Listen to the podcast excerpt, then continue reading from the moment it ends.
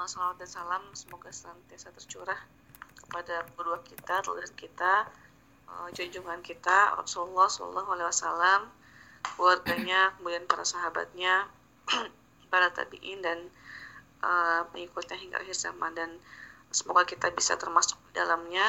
Bahas semuanya kali ini kita akan uh, membahas atau saya sedikit berbagi ya tentang kisah uh, para pemuda penghuni gua atau yang mungkin sudah kita kenal dengan Ashabul Kahfi ya. Insya Allah Bapak semua juga di sini sudah familiar dengan kisah Ashabul Kahfi ini. Jadi mungkin di sini hanya mengingatkan kembali kita mengambil ibrah dari kisah ini ya. Jadi kisah Ashabul Kahfi ini Allah abadikan dalam Al-Qur'an ya. Nah, seperti yang kita ketahui sebagian besar dari uh, isi Al-Qur'an adalah kisah-kisah umat terdahulu ya. Nah, Allah kemudian mengisahkan uh, uh, kisah-kisah tersebut tentunya ada sesuatu yang harus kita ambil hikmahnya, ambil pelajaran dari dari dari kisah-kisah tersebut gitu ya. Sebagaimana dalam Quran surat uh, Yusuf ya ayat 111 di disebutkan difirmankan oleh Allah Subhanahu wa taala di apa di akhir akhir hampir akhir uh, surat Yusuf ya. Laqad kana fi qasasihim ibratul li ulil albab. Jadi sesungguhnya uh, pada kisah-kisah mereka itu atau pada kisah-kisah terdahulu itu ya terdapat pengajaran bagi orang-orang yang mempunyai akal. Jadi ini bukan hanya dongeng, bukan hanya legenda yang Allah ceritakan di sini ya, dan ada maksud yang uh, Allah inginkan yang kita ambil hikmahnya dengan Allah kemudian menurunkan kisah-kisah ini gitu ya. Jadi Allah menceritakan kisah-kisah ini bukan tanpa maksud yang jelas pasti akan ada uh, maksudnya dan uh, diharapkan kita bisa mengambil pelajaran darinya gitu ya. Al-kahfi ya kahf atau gua. Ya artinya gua ashabul kahfi ini pemuda-pemuda yang kemudian uh, tinggal di gua gitu ya. Allah kemudian menyebutkan uh, kisah ini dalam Quran surat al-kahfi ya surat ke-18 uh, yang insya Allah Eh, kita coba rutinkan ya untuk baca setiap hari Jumat gitu. Karena keutamaan-keutamaan yang luar biasa yang uh, kita bisa dapatkan dari membaca uh, Quran surat Al-Kahfi ini dan juga menghafalkannya ya.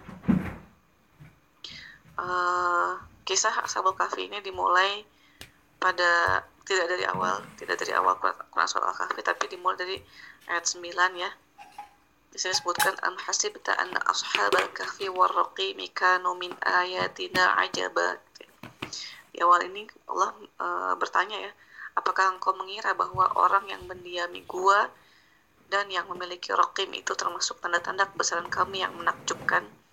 Gitu. jadi di sini disebutkan ashabal kahf gitu ya penghuni gua. Nah di sini mengapa mereka menghuni gua gitu ya? Di ayat dijelaskan kemudian e, di ayat berikutnya ya.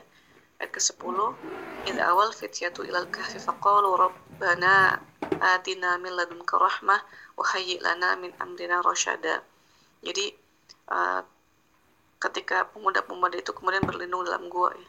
berlindung dari apa gitu ya uh, di sini di ayat berikutnya disebutkan jadi beberapa riwayat juga menyebutkan bahwa pada saat itu ada pemimpin ya soal atau raja gitu yang tiran di mana rakyat-rakyatnya semua menyembah berhala gitu ya uh, politeisme saat itu kemudian para pemuda ini bertanya gitu pada mereka mencari jawaban ya pada uh, masyarakat itu pada umatnya itu mengapa mereka menyembah uh, selain Allah gitu ya. Namun mereka tidak mendapatkan uh, penjelasan yang uh, diharapkan gitu oleh oleh para pemuda ini. Nah kemudian para pemuda ini kemudian meninggalkan masyarakat yang kemudian telah terkungkung oleh syirik ini kemudian mencari tempat berlindung gitu ya dan atas petunjuk Allah kemudian mereka berlindung dalam gua gitu ya. Nah, di sini kita coba um, berhenti sejenak ya kita pause dulu apa pelajaran yang bisa kita ambil dari um, kedua atau beberapa ayat di awal uh, surat apa namanya surat al-kahfi ini ya jadi kita bisa melihat ya para pemuda ini kemudian berkumpul uh, saling menguatkan satu sama lain ya. Jadi di sini kita bisa mengambil pelajaran bahwa seorang teman atau beberapa orang teman gitu ya uh, yang dekat dengan kita itu kan sangat mempengaruhi gitu ya, mempengaruhi kita gitu. Jadi sangat penting untuk kita memilih siapa teman yang dekat dengan kita gitu. Karena uh, ketika kita dekat dengan orang-orang yang soleh maka akan uh, dikuatkan untuk berada dalam kebenaran gitu ya. Sedangkan jika teman dekat kita itu sebaliknya maka kita pun akan mudah terpengaruh gitu ya. Karena kan uh, sahabat terdekat itu bagaikan cermin gitu ya bagi kita.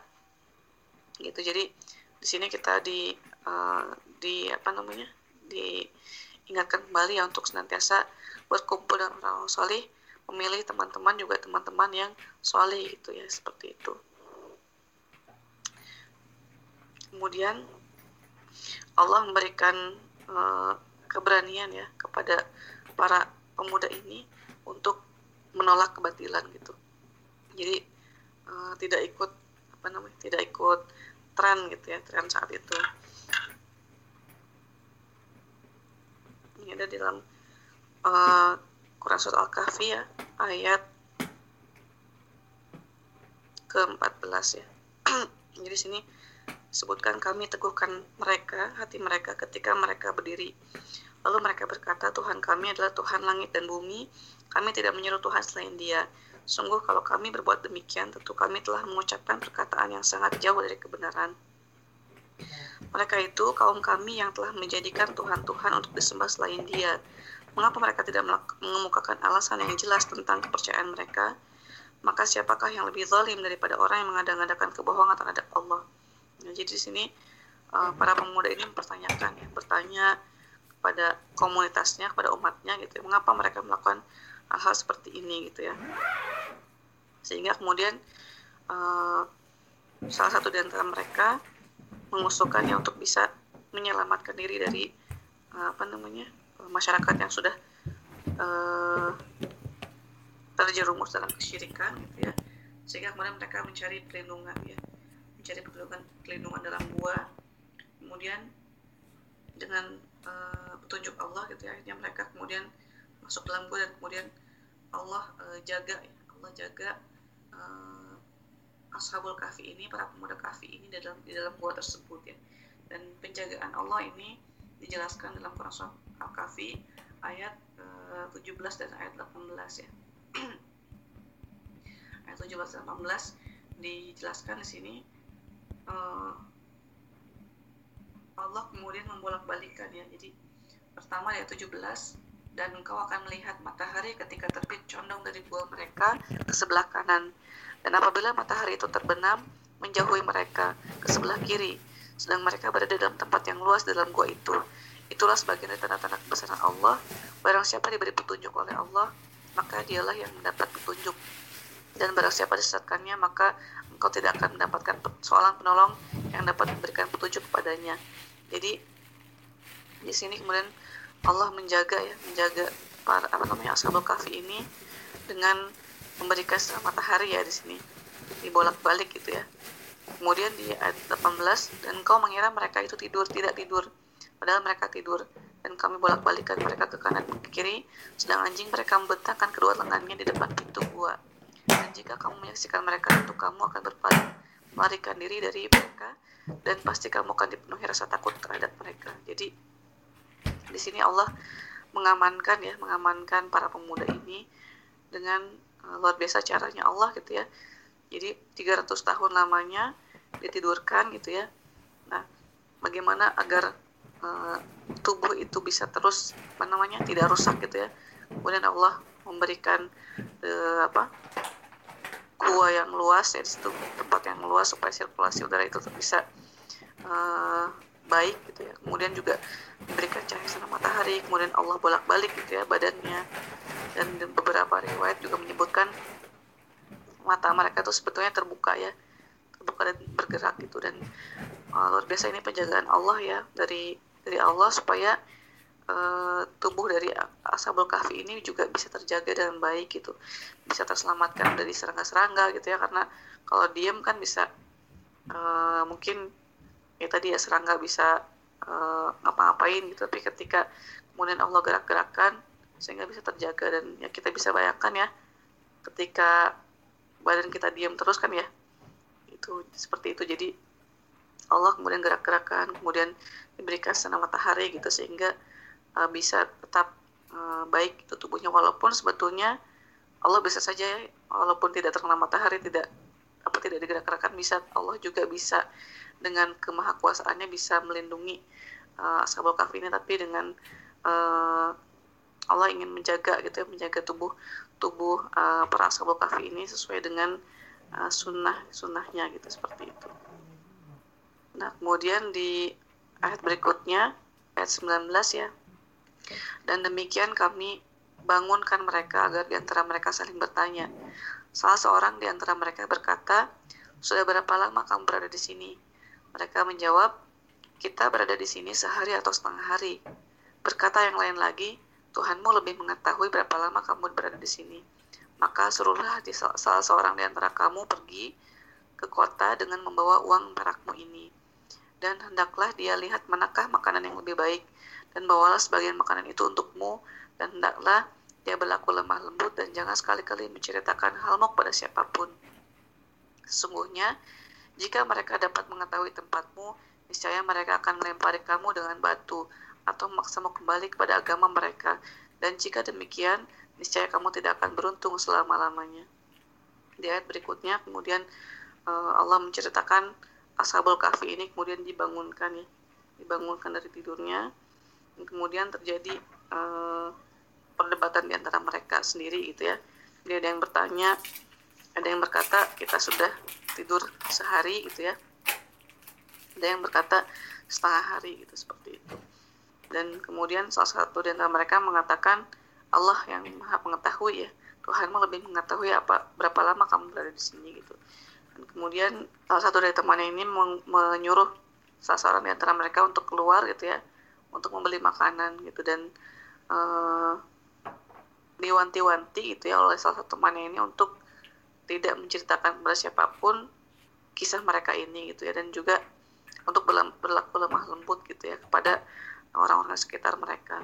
Dan ini bentuk penjagaan salah satu temannya nasihat kepada, kepada temannya supaya tidak uh, teridentifikasi siapa sebenarnya mereka. Karena mereka tadi ya sedang berlindung dari raja yang zalim gitu. Dan ya uh, kita bisa menebak apa yang terjadi ketika 300 tahun lamanya mereka tertidur kemudian keluar dari gua ya. Tidak berkata apa-apapun sebetulnya bisa terlihat gitu dari penampilan uh, apa namanya bajunya gitu ya. Kemudian dari dialek bahasanya mungkin kita bisa uh, lihat ya. Kita mungkin berpakaian uh, 20 tahun yang lalu aja gitu bisa terlihat berbeda gitu kan dengan saat ini ya.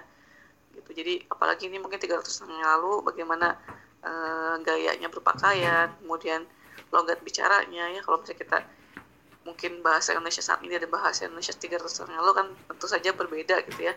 Dan itu bisa tertangkap walaupun uh, tidak apa namanya tidak mereka tidak menunjukkan identitasnya gitu seperti itu. Nah dengan kemudian tambah lagi dengan mata uang yang uh, ia gunakan untuk membeli makanan gitu. Sehingga uh, bisa diketahui gitu ya bahwa mereka akhirnya bisa mengetahui bahwa mereka itu tidur selama 300 tahun ya 300 tahun atau 309 tahun gitu. Ya jadi uh, ketika kemudian apa namanya kita bisa mengambil ya beberapa uh, pelajaran ya di, di ayat ke 22 di sini disebutkan nanti itu ya ada orang yang akan mengatakan jumlah mereka tiga orang. Yang keempat adalah anjingnya. Dan yang lain mengatakan jumlah mereka lima orang yang keenam adalah anjingnya sebagai terkaan terhadap yang gaib. Dan yang lain lagi mengatakan jumlah mereka tujuh orang. Yang kedelapan adalah anjingnya. Katakanlah Muhammad, Tuhanku lebih mengetahui jumlah mereka. Tidak ada yang mengetahui bilangan mereka kecuali sedikit.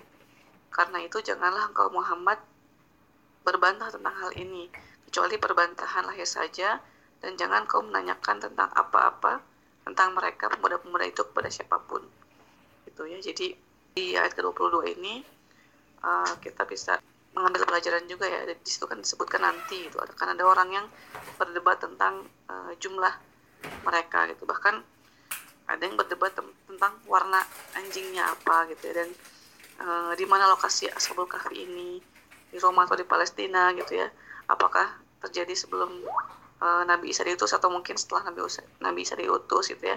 Ada perdebatan-perdebatan seperti ini dan kemudian uh, Allah mengatakan bahwa Allah lah yang mengetahui jawabannya dan Allah tidak beritahu uh, sebetulnya berapa uh, persisnya gitu jumlah dari ashabul kahfi ini gitu ya seperti itu. Jadi di sini kita bisa mengambil uh, hikmah ya sebetulnya. Uh, kadang kita uh, apa namanya disibukkan ya disibukkan dengan debat-debat hal-hal yang sebetulnya tidak uh, penting yang kurang faedahnya gitu hal kecil yang sebetulnya bisa berdampak uh, buruk gitu ya pada kita bisa memecah belah umat dan lain sebagainya gitu. Sibuk berdebat sehingga kita kehilangan dari esensi yang sebetulnya harus kita cari itu hikmahnya gitu kan. Jadi uh, kadang orang itu ingin tahu detail gitu ya kepo gitu. Kalau zaman sekarang mungkin kata-kata kepo gitu ya ingin tahu banyak hal tapi sebetulnya itu tidak penting untuk kita ketahui gitu ya. Jadi Allah ingin di sini uh, kita menemukan hikmah gitu ya sehingga kita bisa belajar dari kisah Ashabul Kahfi ini gitu ya untuk uh, apa namanya belajar untuk melihat mana-mana sih yang sebetulnya prioritas gitu ya. Mana yang harusnya kita ignore atau kita uh, kesampingkan gitu ya apa namanya kadang kita memiliki keingintahuan tapi keingintahuan itu juga tidak uh, hmm. tidak berdampak baik pada kita atau mungkin justru ya tidak bermanfaat gitu untuk kita gitu. Itu mungkin kita perlu belajar untuk meng mengesampingkan hal-hal tersebut dan belajar untuk fokus gitu ya. Fokus pada apa yang ingin Allah uh, dapatkan ketika kita membaca kisah ini gitu seperti itu. Mungkin kalau misalnya uh, mudahnya gitu ya uh, seorang syekh mengatakan atau seorang ustadz mengatakan contoh dari uh, ayat ke-22 ini gitu ya. Mungkin kalau misalnya di di apa di di zaman sekarang ada seorang pengusaha yang sukses kemudian pengusaha itu ingin membagi kisahnya gitu di sebuah kelas. Ingin membagi kisahnya tentang bagaimana ia mendapatkan kesuksesan itu gitu seorang pengusaha tersebut. Nah kemudian uh, pengusaha tersebut menceritakan bagaimana ia kemudian uh, memilih produk, bagaimana ia memasarkan, bagaimana kemudian ia uh, apa namanya memilih toko yang tepat gitu ya, memilih tempat yang tepat untuk tokonya dan sebagainya gitu. Nah, kemudian uh, setelah uh, pengusaha ini menyampaikan uh, tips dan triknya gitu ya untuk menjadi pengusaha yang baik, kemudian uh, murid-murid ini malah bertanya hal yang di luar itu gitu, misal uh, apa baju yang dipakai oleh si pengusaha tersebut gitu ya sehari-hari. Terus bagaimana warna kosaknya apa sih gitu ya? Atau mungkin uh, jumlah mobilnya berapa sih gitu. Jadi pertanyaan pertanyaan-pertanyaan yang mungkin ini pertanyaan apa sih nggak nyambung gitu ya seperti itu. Jadi sama juga dengan kadang-kadang uh, ketika kita mendapatkan kisah-kisah yang uh, apa dalam Al-Quran gitu kisah Ashabul Kahfi ini gitu ya. Ada yang berdebat tentang jumlahnya ada yang berdebat tentang uh, apa warna anjingnya gitu ya. Kemudian ada yang berdebat tentang uh, di mana lokasinya gitu ya seperti itu. Itu tidak penting sesungguhnya.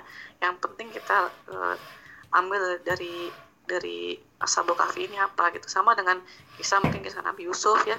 Kisah Nabi Yusuf apakah Nabi Yusuf dan Siti itu menikah? Kemudian siapa nama uh, apa rajanya? Siapa nama uh, perempuan yang kemudian menggoda Nabi Yusuf Nabi Yusuf ini gitu ya hal-hal yang sebetulnya tidak Allah buka gitu ya di di dalam Al-Qur'an sesungguhnya ya tidak uh, tidak penting untuk kita cari tahu dan juga uh, Allah tidak menginginkan hal itu yang justru kita tanyakan gitu ya. Allah ingin kita fokus pada pelajaran-pelajaran yang bisa kita ambil dari apa yang kemudian uh, Allah paparkan atau Allah firmankan dalam Al-Qur'an gitu ya.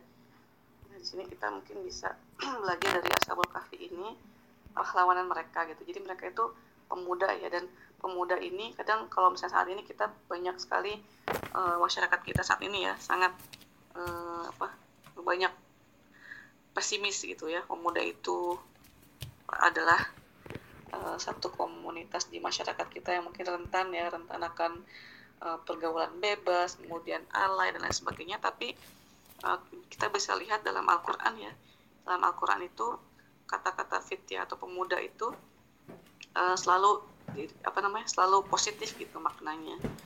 Ya jadi uh, dalam Quran uh, dalam Quran itu ada banyak sekali pemuda yang dikisahkan ya. Ada, ada Nabi Ibrahim kemudian ada kisah Nabi Musa kemudian ada kisah Ashabul Kahfi ya. Kemudian ada kisah tentang Nabi Yusuf juga ya Fata gitu Fata. Kemudian dalam Ashabul Kahfi ini disebutkan fit ya artinya pemuda belia gitu ya fit ya. Ini e, bentuk jama dari Fata ya. Jadi di sini kita bisa mengambil pelajaran bahwa e, pemuda ini Ashabul Kahfi ini ya memiliki keteguhan yang luar biasa di tengah masyarakat yang sudah rusak gitu ya. Dan dia mengambil keputusan yang luar biasa berani gitu ya dahsyat. Uh, karena kekokohannya memegang apa namanya uh, prinsip gitu ya prinsip keimanan sehingga dia bisa uh, berani mengutarakan bahwa ya saya hanya apa kami hanya menyembah Allah kemudian untuk menyelamatkan uh, keimanannya kemudian dia mengasingkan diri gitu ya mengasingkan diri dari uh, masyarakat yang uh, sudah rusak lah seperti itu. Ya jadi mereka menghindar dari lingkungan yang kemudian uh, bisa merusak mereka gitu seperti itu. Dan kemudian Allah mengamankan mereka dan Allah pun memuji memuji mereka gitu seperti itu. Itu yang bisa kita ambil dari uh, peristiwa Ashabul Kahfi ini gitu ya jadi kepemudaan uh, pemuda yang identik dengan hal-hal yang positif gitu ya yang sesungguhnya energi-energi yang yang apa namanya dimiliki pemuda ini bisa uh, bisa dimanfaatkan atau bisa uh, mereka manfaatkan ya dengan sebaik-baiknya untuk me, apa namanya menolong agama Allah ini gitu ya. Jadi kan usia muda itu adalah kekuatannya sebagaimana dalam Quran surat Ar-Rum disebutkan bahwa usia muda itu kekuatan di antara dua kelemahan. Ya. Jadi di sini artinya saya sebutkan ya Allah dialah yang telah menciptakan kamu dari keadaan lemah kemudian dia menjadikan kamu sesudah keadaan lemah itu menjadi kuat kemudian dia menjadikan kamu sesudah itu lemah kembali dan beruban e, di sini disebutkan bahwa dua keadaan lemah ya. Jadi lemah kemudian kuat kemudian menjadi lemah lagi. Jadi usia muda itu adalah kekuatan di antara dua kelemahan. Jadi kelemahan yang pertama adalah usia anak-anak ya yang masih lemah secara fisik secara ilmu uh, kemudian pengalaman ya status sosial posisi dan sebagainya itu masih lemah gitu ya. Sedangkan kelemahan yang kedua adalah usia tua. Ya lemah secara fisik kemudian uh, tenaga ya kemampuan terus kemudian melemah gitu ya. Sedangkan pemuda ini ya kekuatan di antara dua kelemahan ini gitu ya. Dia memiliki fisik yang kuat kemudian memiliki ilmu yang uh, luar biasa baik gitu. Posisi semangat kemudian uh, tenaga gitu ya kemampuan komitmen juga gitu ya. Sehingga uh, di sini kita bisa apa namanya uh, optimis gitu ya terhadap pemuda-pemuda uh, ini gitu ya. Jadi tidak senat pemuda Islam itu tidak senantiasa identik dengan hal-hal uh, yang mungkin sekarang kita bisa uh, lihat pemuda saat ini gitu ya. Kalau misalnya kita berkiblat ke uh, barat ya gitu pada umumnya gitu ya seperti itu. Tapi pemuda Islam itu tidak. Bagaimana kita ketahui juga dulu ketika Rasulullah SAW uh, berdakwah ya para pemuda lah yang kemudian banyak e, menerima seruan dari Rasulullah SAW gitu ya.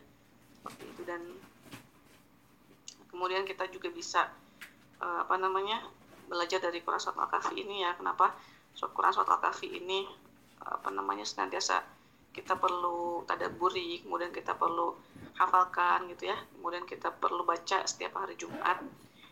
Karena e, di sini kita bisa melihat ya bagaimana hmm, kisah Ashabul Kahfi ini kan sebetulnya mereka betul-betul di di apa namanya dikelilingi oleh fitnah yang luar biasa gitu ya. Dan kita ketahui bahwa ini adalah surat yang bisa uh, menyelamatkan kita dari fitnah. Yang paling besar ya fitnah dajjal gitu. Seperti itu. Jadi ketika saat ini mungkin kita mengalami di mana fase, fase yang uh, saat ini ya fase di mana moral moralitas itu standarnya berubah-berubah gitu ya. Kadang kemudian begini kadang kemudian begitu. Uh, standarnya kemudian berubah-berubah setiap tahun gitu ya. Dulu mungkin kalau kita pernah mengalami ini contoh lain ya contoh lain mungkin uh, ada yang dulu uh, ibu-ibu ya nih ibu-ibu uh, apa sufor misalnya ya baik kemudian oh ya ada ada saatnya kita kembali lagi ke asi gitu ya. Ada saatnya dulu melahirkan di rumah itu berbahaya sekarang ada tren lagi melahirkan di rumah dan lain sebagainya. Jadi standar itu kemudian berubah-berubah uh, ya kita perlu untuk apa namanya uh, berpegang teguh pada uh, Al-Quran gitu ya. Ketika masyarakat atau orang lain gitu sedang menggantunggi sesuatu berkiblat pada sesuatu yang saat itu sedang tren gitu ya dan itu salah gitu maka kita kita ingin nggak nggak ikut ikutan gitu ya. Kita ingin kita tidak ikut bengkok gitu ya. Sebagaimana uh, pengaruh-pengaruh fitnah yang luar biasa di sekeliling kita gitu. Dan di sini kan disebutkan di awal kisah uh, di, di, di awal surat al-kahfi ini disebutkan ya alhamdulillahilladzi anzala ala 'abdihi al-kitaba wa lam yaj'al lahu 'iwaja. Jadi segala puji bagi Allah yang telah menurunkan kitab kepada hambanya dan dia tidak menjadikannya bengkok gitu ya. jadi tidak tidak ada dalam Al-Quran yang uh, menyimpang di kebenaran gitu ya. Seperti itu. Jadi uh, ya berpegang teguhlah pada Al-Quran yang tidak pernah bengkok gitu ya. Kalau kita mungkin kemarin pernah apa namanya mendengar kisah bagaimana tsunami yang kemudian luar biasa menghanyutkan ya banjir dan lain sebagainya pasti kita ketika kondisi seperti itu pasti menginginkan sebuah topangan ya sebuah topangan yang luar biasa kuat itu untuk bisa menopang kita yang tegak bisa menopang kita gitu ya. Seperti itu juga dengan Al-Quran yang kita butuhkan untuk kita pegang gitu karena disebutkan sini tidak tidak Allah tidak menjadikannya bengkok gitu ya kokoh. Nanti kokoh uh, selalu uh, dalam kebenaran gitu ya selalu dalam uh, standarnya selalu tidak pernah berubah dari, dari waktu ke waktu sehingga ini menjadi rujukan kita gitu ya. Dan uh, di ayat ke-9 kan sebetulnya di awal kisah Ashabul Kahfi ini di awal dan pertanyaan ya am hasibta am gitu bertanya apakah am hasibta an ashabal kahfi wa raqimika min ayatina ajaba? Apakah kau mengira bahwa orang yang mendiami gua dan yang mempunyai rokim itu termasuk tanda-tanda kebesaran kami yang menakjubkan jadi ini pertanyaan apakah mujizat ini yang apa namanya kebesaran Allah yang bisa menghidupkan para ashabul kahfi ini menakjubkan gitu ya? Ya tidak lebih apa tidak lebih menakjubkan dari Al-Quran gitu ya mujizat yang masih bisa kita baca sampai saat ini uh, yang mungkin kalau mujizat nabi-nabi sebelumnya sudah tidak bisa kita saksikan tapi mujizat dari Allah untuk Rasulullah ini Al-Quran masih bisa kita baca sampai saat ini gitu. Jadi ini pertanyaan karena kita harus baca ayat sebelumnya gitu ya. Ayat sebelumnya disebutkan uh, bahwa Al-Quran adalah uh, kebenaran yang tidak pernah bengkok gitu ya dan Allah tidak pernah menjadikannya bengkok seperti itu. Jadi uh, ketika fitnah yang luar biasa kita temukan yang saat ini di masyarakat uh, dan akan terus meningkat uh, apa namanya fitnah-fitnah terjadi itu akan terus meningkat hingga akhir zaman nanti maka tidak lain dan bukan kita harus senantiasa berpegang teguh pada Al-Quran gitu ya seperti itu. Ber, apa, berkaca dan belajar dari uh, Ashabul Kahfi ini yang kemudian luar biasa memegang teguh uh, apa namanya agamanya gitu yang memegang teguh keyakinannya. Ya kita pun seperti itu gitu. Jangan pernah uh, menyerah gitu ya. Kan Ashabul Kahfi ini berusaha ya berusaha untuk uh, menyelamatkan diri dengan usahanya. Kemudian ketika mereka masuk gua mereka berdoa ya Rabbana atina. Ladunka rahmah. Apa doanya? Rabbana atina min ladunka Rabbana atina min ladunka rahmah wa lana min amrina rasyada jadi ya Tuhan kami berikanlah rahmat kepada kami dari sisimu dan sempurnakanlah petunjuk yang lurus bagi kami dalam urusan kami. Jadi mereka meminta ya minta Allah uh, pada Allah rahmatnya. kemudian memberikan petunjuk gitu ya pada urusan-urusan dari uh, Ashabul Kahfi ini para pemuda Kahfi ini. Jadi begitu pun kita ketika ketika kita dilingkupi uh, oleh berbagai fitnah dunia gitu ya maka kita selain berusaha dengan uh, semampu kita kita pun jangan lupa untuk senantiasa berdoa ya. Jangan pernah menuhankan uh, usaha yang kita lakukan tapi kita bergantung pada Allah Subhanahu wa taala dengan doa-doa kita. Karena Allah lah yang kemudian memberikan proteksi pada kita ya, memberikan perlindungan pada kita. Allah yang bisa menyelamatkan kita dari fitnah-fitnah tersebut. Jadi jangan uh, lupakan usaha dan doa-doa kita ini seperti itu. Itu mungkin ya uh, yang bisa uh, saya sampaikan pada kesempatan ini. Warakallahu li yang yang salah adalah yang saya pribadi yang mana datangnya dari Allah Subhanahu wa taala. Baik, mungkin itu tafadhol jika Mbak semua di sini ada yang mau menambahkan. Silahkan. Kembali kembali ini. Tafadhol Mbak. Ya, jazakumullah khair uh, kepada Mbak Ninda yang sudah memberikan tadi ya penjelasan tentang uh, kisah Skabul Kahfi begitu ya dari runutan sejarahnya sampai kemudian uh, hikmah apa yang terdapat dalam kisah tersebut mungkin seperti itu sambil menunggu mungkin ada dari mbak-mbak atau ibu-ibu yang uh, mau menanyakan begitu ya mungkin saya ya mbak Ninda ya karena belum ada pertanyaan. Uh, kalau di Ashabul Kahfi kan mereka mempertahankan gitu ya mempertahankan keimanan mereka begitu ya. Karena waktu itu uh, rajanya kan uh, musyrik begitu ya. Nah kemudian kalau terkait dengan zaman sekarang gitu ya atau uh, kids zaman now gitu ya yang generasi milenial gitu ya uh, apa namanya sesembahan-sesembahan yang seperti berhala dan sebagainya mungkin saya kira tidak begitu ya. Tetapi mungkin uh, apa bentuknya sudah berbeda gitu ya. Mungkin uh, apa bisa handphone atau bisa televisi begitu ya yang kadang kita lalai begitu terhadap uh, apa namanya ibadah gitu ya ibadah kita kepada Allah begitu. Nah bagaimana cara mengatasi hal itu gitu ya? Di era yang zamannya sekarang sudah sangat maju sekali yang kadang juga melenakan begitu mbak. Iya mbak jadi betul sekali mbak. Jadi di era sekarang kan apa namanya uh, distraksi distraksi luar biasa ya. Tinggal apa merentangkan tangan kita kita bisa kemudian banyak sekali terdistraksi dalam uh, kehidupan sehari-hari kita ya itu bagaimana caranya untuk me mengurangi distraksi-distraksi tersebut? Ya tentu saja dengan dengan memohon pertolongan Allah yang pertama. Mohon pertolongan dari Allah supaya kita bisa diteguhkan dikokohkan dalam uh, senantiasa mengutamakan Allah di atas segalanya gitu ya ya uh, walaupun memang uh, futur atau mungkin jatuh dan bangun itu memang sunatullah ya apa iman kita kan kadang naik kadang turun ya tapi kita senantiasa berusaha semaksimal mungkin untuk tidak uh, banyak larut dalam distraksi-distraksi atau ya banyak sekali saksi masa kini gitu ya sosial media terutama. Kita bisa uh, pertama tadi ya mohon ampun kepada Allah memohon doa kepada Allah Subhanahu Wa Taala untuk diberikan kekuatan ya diberikan petunjuk juga sebagaimana tadi para para uh, sabul kahfi ya uh, meminta meminta kepada Allah dan juga berusaha gitu.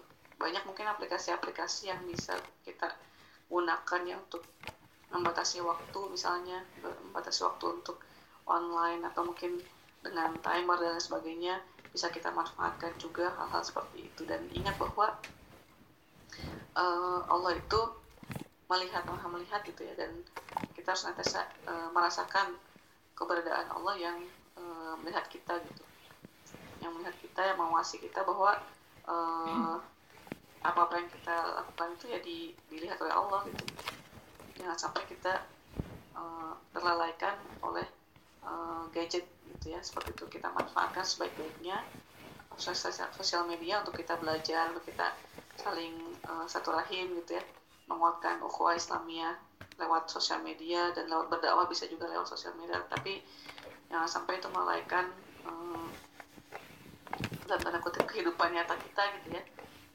Oke, seperti itu. Ya banyak sebetulnya kalau tadi selain doa uh, mungkin ya tadi usahanya untuk usaha kita dengan menginstal aplikasi yang bisa membatasi ya secara waktu itu dibatasi supaya kita bisa diingatkan gitu ya oh kita sudah sekian menit sekian jam bersosial media saatnya kita untuk melakukan aktivitas-aktivitas lain. Itu mungkin Mbak Din. Apa tuh kalau misalnya ada tambahan dari Mbak yang lain?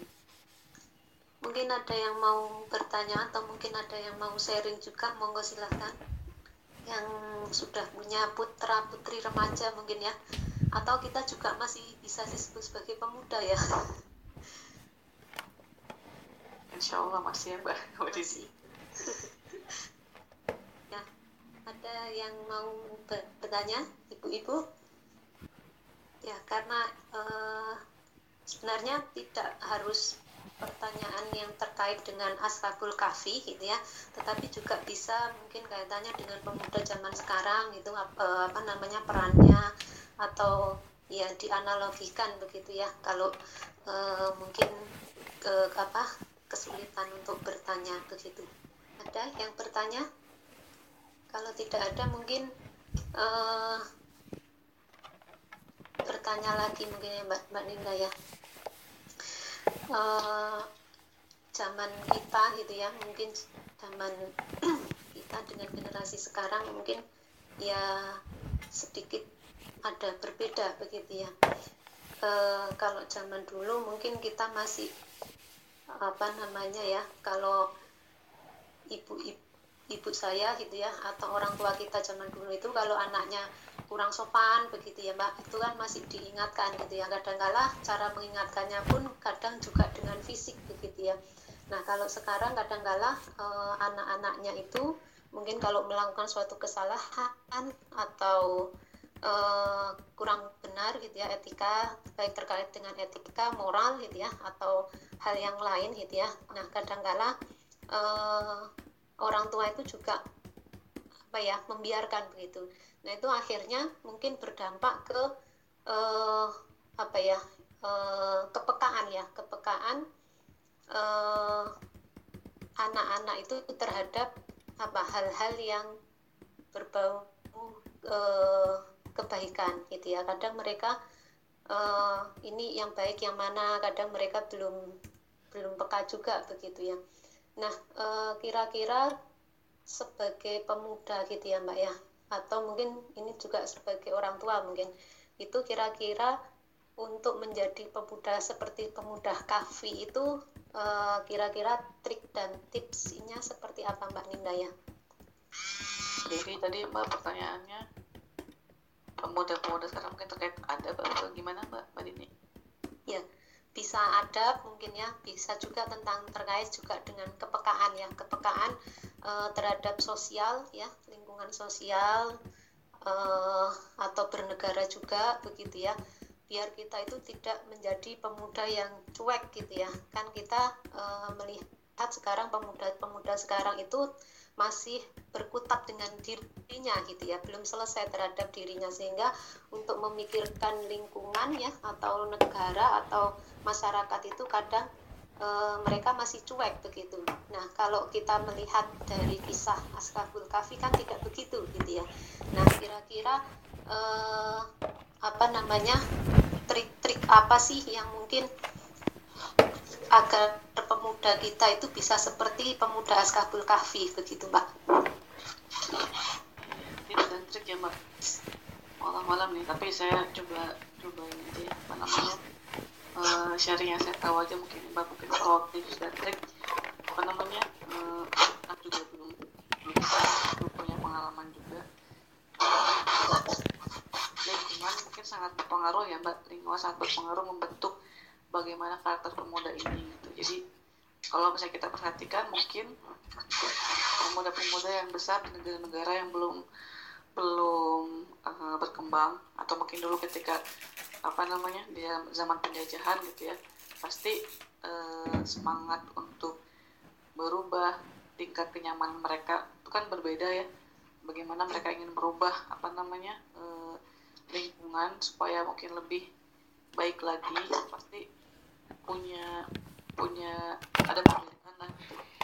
Uh, sama gitu ketika mungkin di Indonesia ada uh, pemuda yang hidup mungkinnya di di wilayah yang memang dia tidak mapan berbeda dengan uh, pemuda yang mungkin terbiasa dengan uh, hidup berkecukupan gitu ya. Jadi uh, apa namanya pola pikir mereka pun pasti berbeda motivasi yang ada dalam pikirannya pun pasti berbeda gitu hanya mungkin kita sebagai seorang muslim juga kan diajarkan untuk senantiasa memiliki empati ya memiliki empati bagaimana menumbuhkan empati gitu pada anak-anak supaya mungkin setelah besar tuh dia nggak cuek gitu.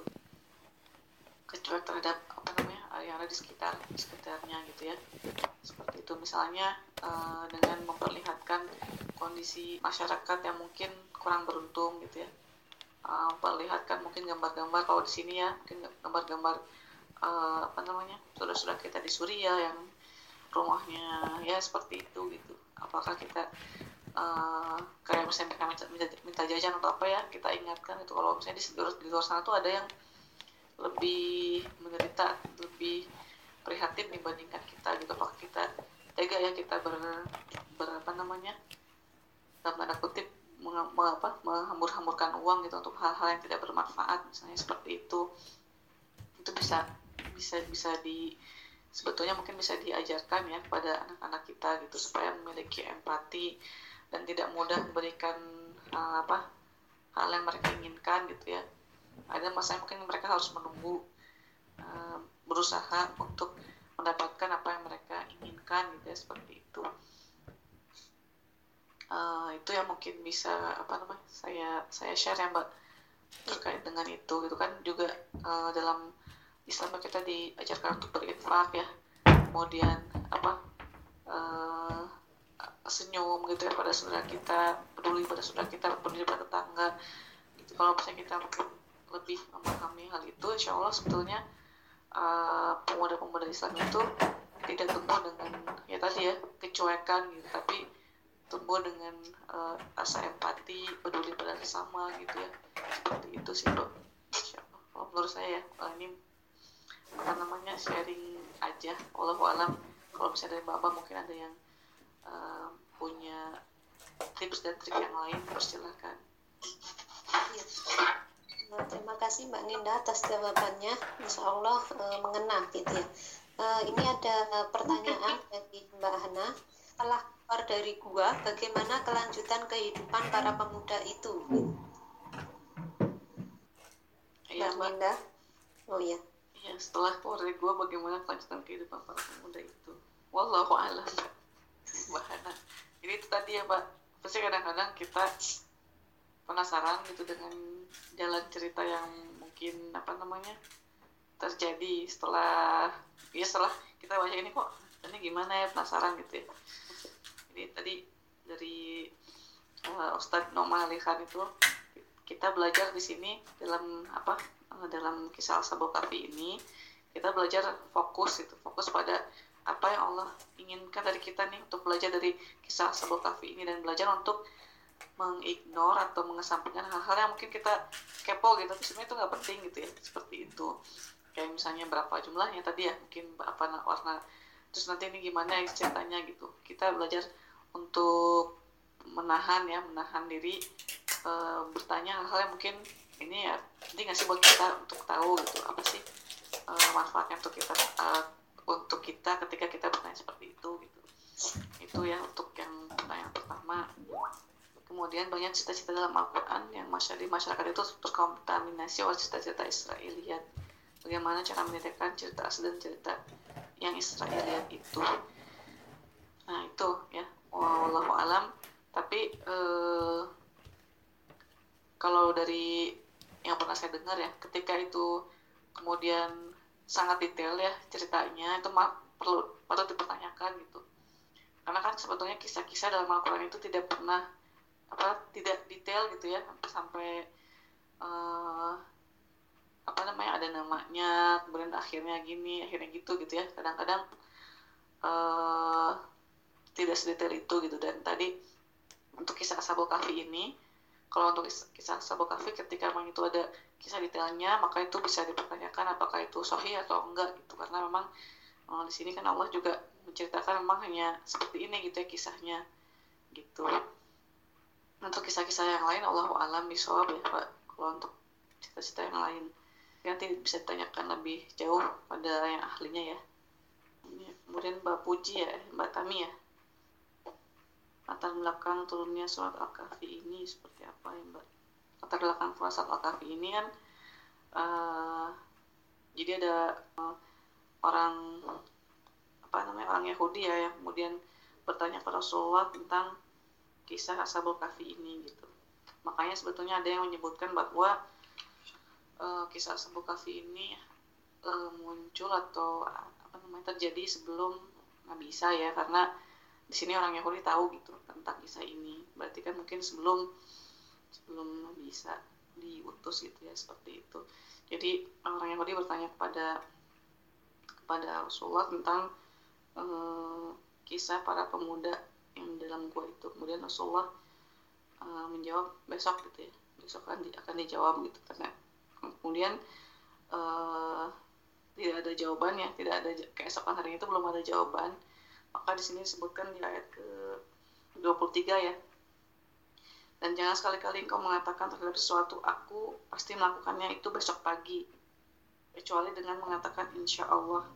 Gitu ya. dan ingatlah kepada Tuhanmu apa apabila kau lupa dan katakanlah mudah-mudahan Tuhanku akan memberi petunjuk padaku agar aku dapat agar aku yang yang lebih dekat kebenarannya pada ini. Jadi uh, di sini Rasulullah mengatakan ya besok kita akan mendapatkan uh, wahyu tapi ternyata tidak gitu. Dan kemudian Allah me menurunkan uh, kisah Ashabul Kahfi ini.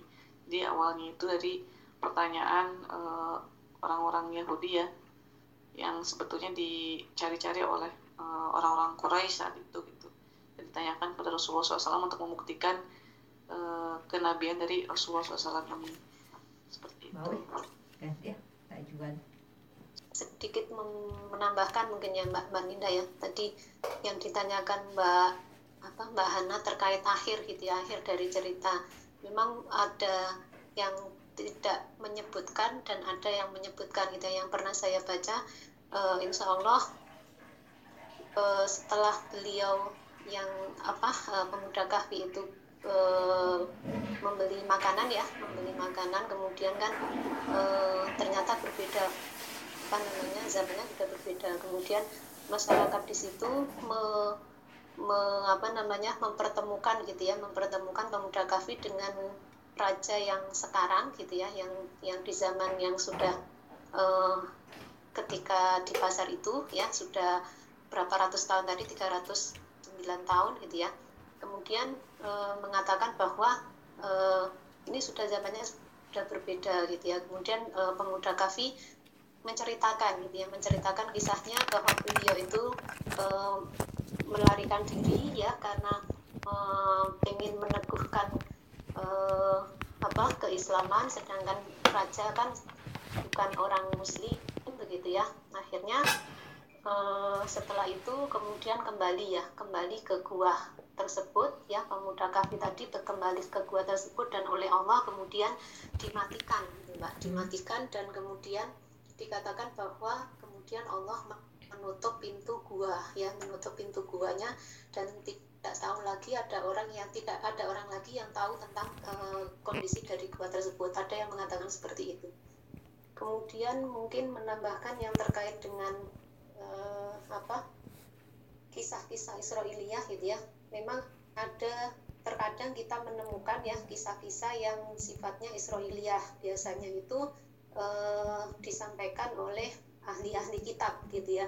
Dan sikap kita terhadap ahli kitab itu disampaikan oleh Rasulullah itu bahwa kita uh, apa namanya kita tidak mendustakan ya tidak tidak mendustakan uh, ahli kitab tersebut gitu ya. Jadi di hadis Bukhari disampaikan bahwa janganlah kalian membenarkan ahli kitab dan jangan pula mendustakan gitu ya. Jadi kalau misalnya kita tidak tahu terkait dengan e, kisah tersebut ya dan kita tahu bahwa itu adalah kisah yang ada berbau-bau Israelnya gitu ya. Misalkan e, dikatakan Nabi Isa putra putra Tuhan gitu ya. Nah itu kan salah ya kalau itu salah. Nah itu kita berhak untuk me, e, tidak meyakini gitu ya. Berhak tidak meyakini dan yang di hadis Bukhari tadi disebutkan bahwa ah tadi ya janganlah kalian membenarkan ya. Kita tidak boleh membenarkan ahli kitab dan juga tidak boleh e, mendustakan ya. Kemudian ucapkan kami beriman dengan kitab yang diturunkan kepada kami dan kitab yang diturunkan kepada kalian begitu ya. Dan e, Rasulullah juga pernah ya e, ada kisah tentang Isra, apa Israiliyah gitu ya Nah itu Rasulullah sampai kemudian tertawa sampai gigi rahangnya itu terlihat gitu ya karena kisahnya sangat lucu gitu ya. Jadi memang kadang-kala kalau kita melihat kisah-kisah eh, yang kaitannya dengan kisah-kisah Israiliyah itu kadang tidak masuk akal begitu. Nah kemudian sikap kita tadi ya sesuai dengan eh, hadis Bukhari tadi mungkin itu sedikit tambahannya. ada lagi yang mau ditanyakan mungkin cukup ya Mbak Ninda mungkin karena eh, nggak uh, nggak terlalu banyak yang bertanya gitu ya. Insya Allah sudah paham semua ibu-ibu ya dan mbak-mbak terkait tentang kisah uh, Askabul Kafi ini. Mungkin uh, ada penutup dari Mbak Ninda. Monggo. Ya mbak di sini uh, tadi ya mengingatkan kembali mungkin yang tadi sudah disampaikan uh, pelajaran yang bisa kita ambil dari Ashabul Kahfi ini kita senantiasa semoga Allah berikan apa namanya kekokohan ya untuk memegang prinsip kebenaran yang berdasarkan Al-Quran memegang teguh Al-Quran gitu ya sehingga kita bisa selamat dari fitnah-fitnah uh, yang ada saat ini gitu.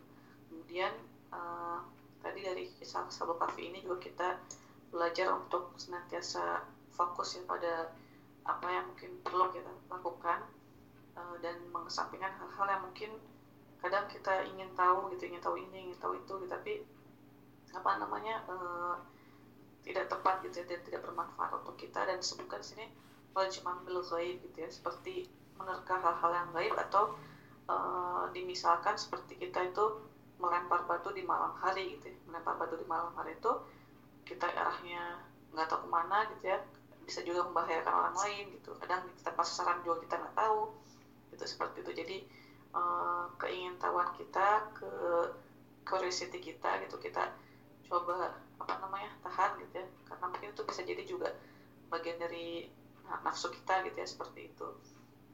Itu mungkin yang bisa kita uh, apa namanya ambil hikmah dari kisah Sabul Kafi ini.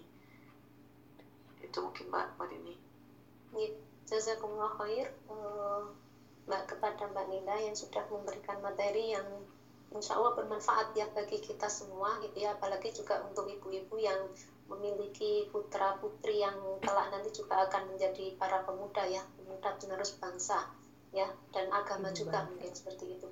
Uh, alhamdulillah uh, kita akhiri ya.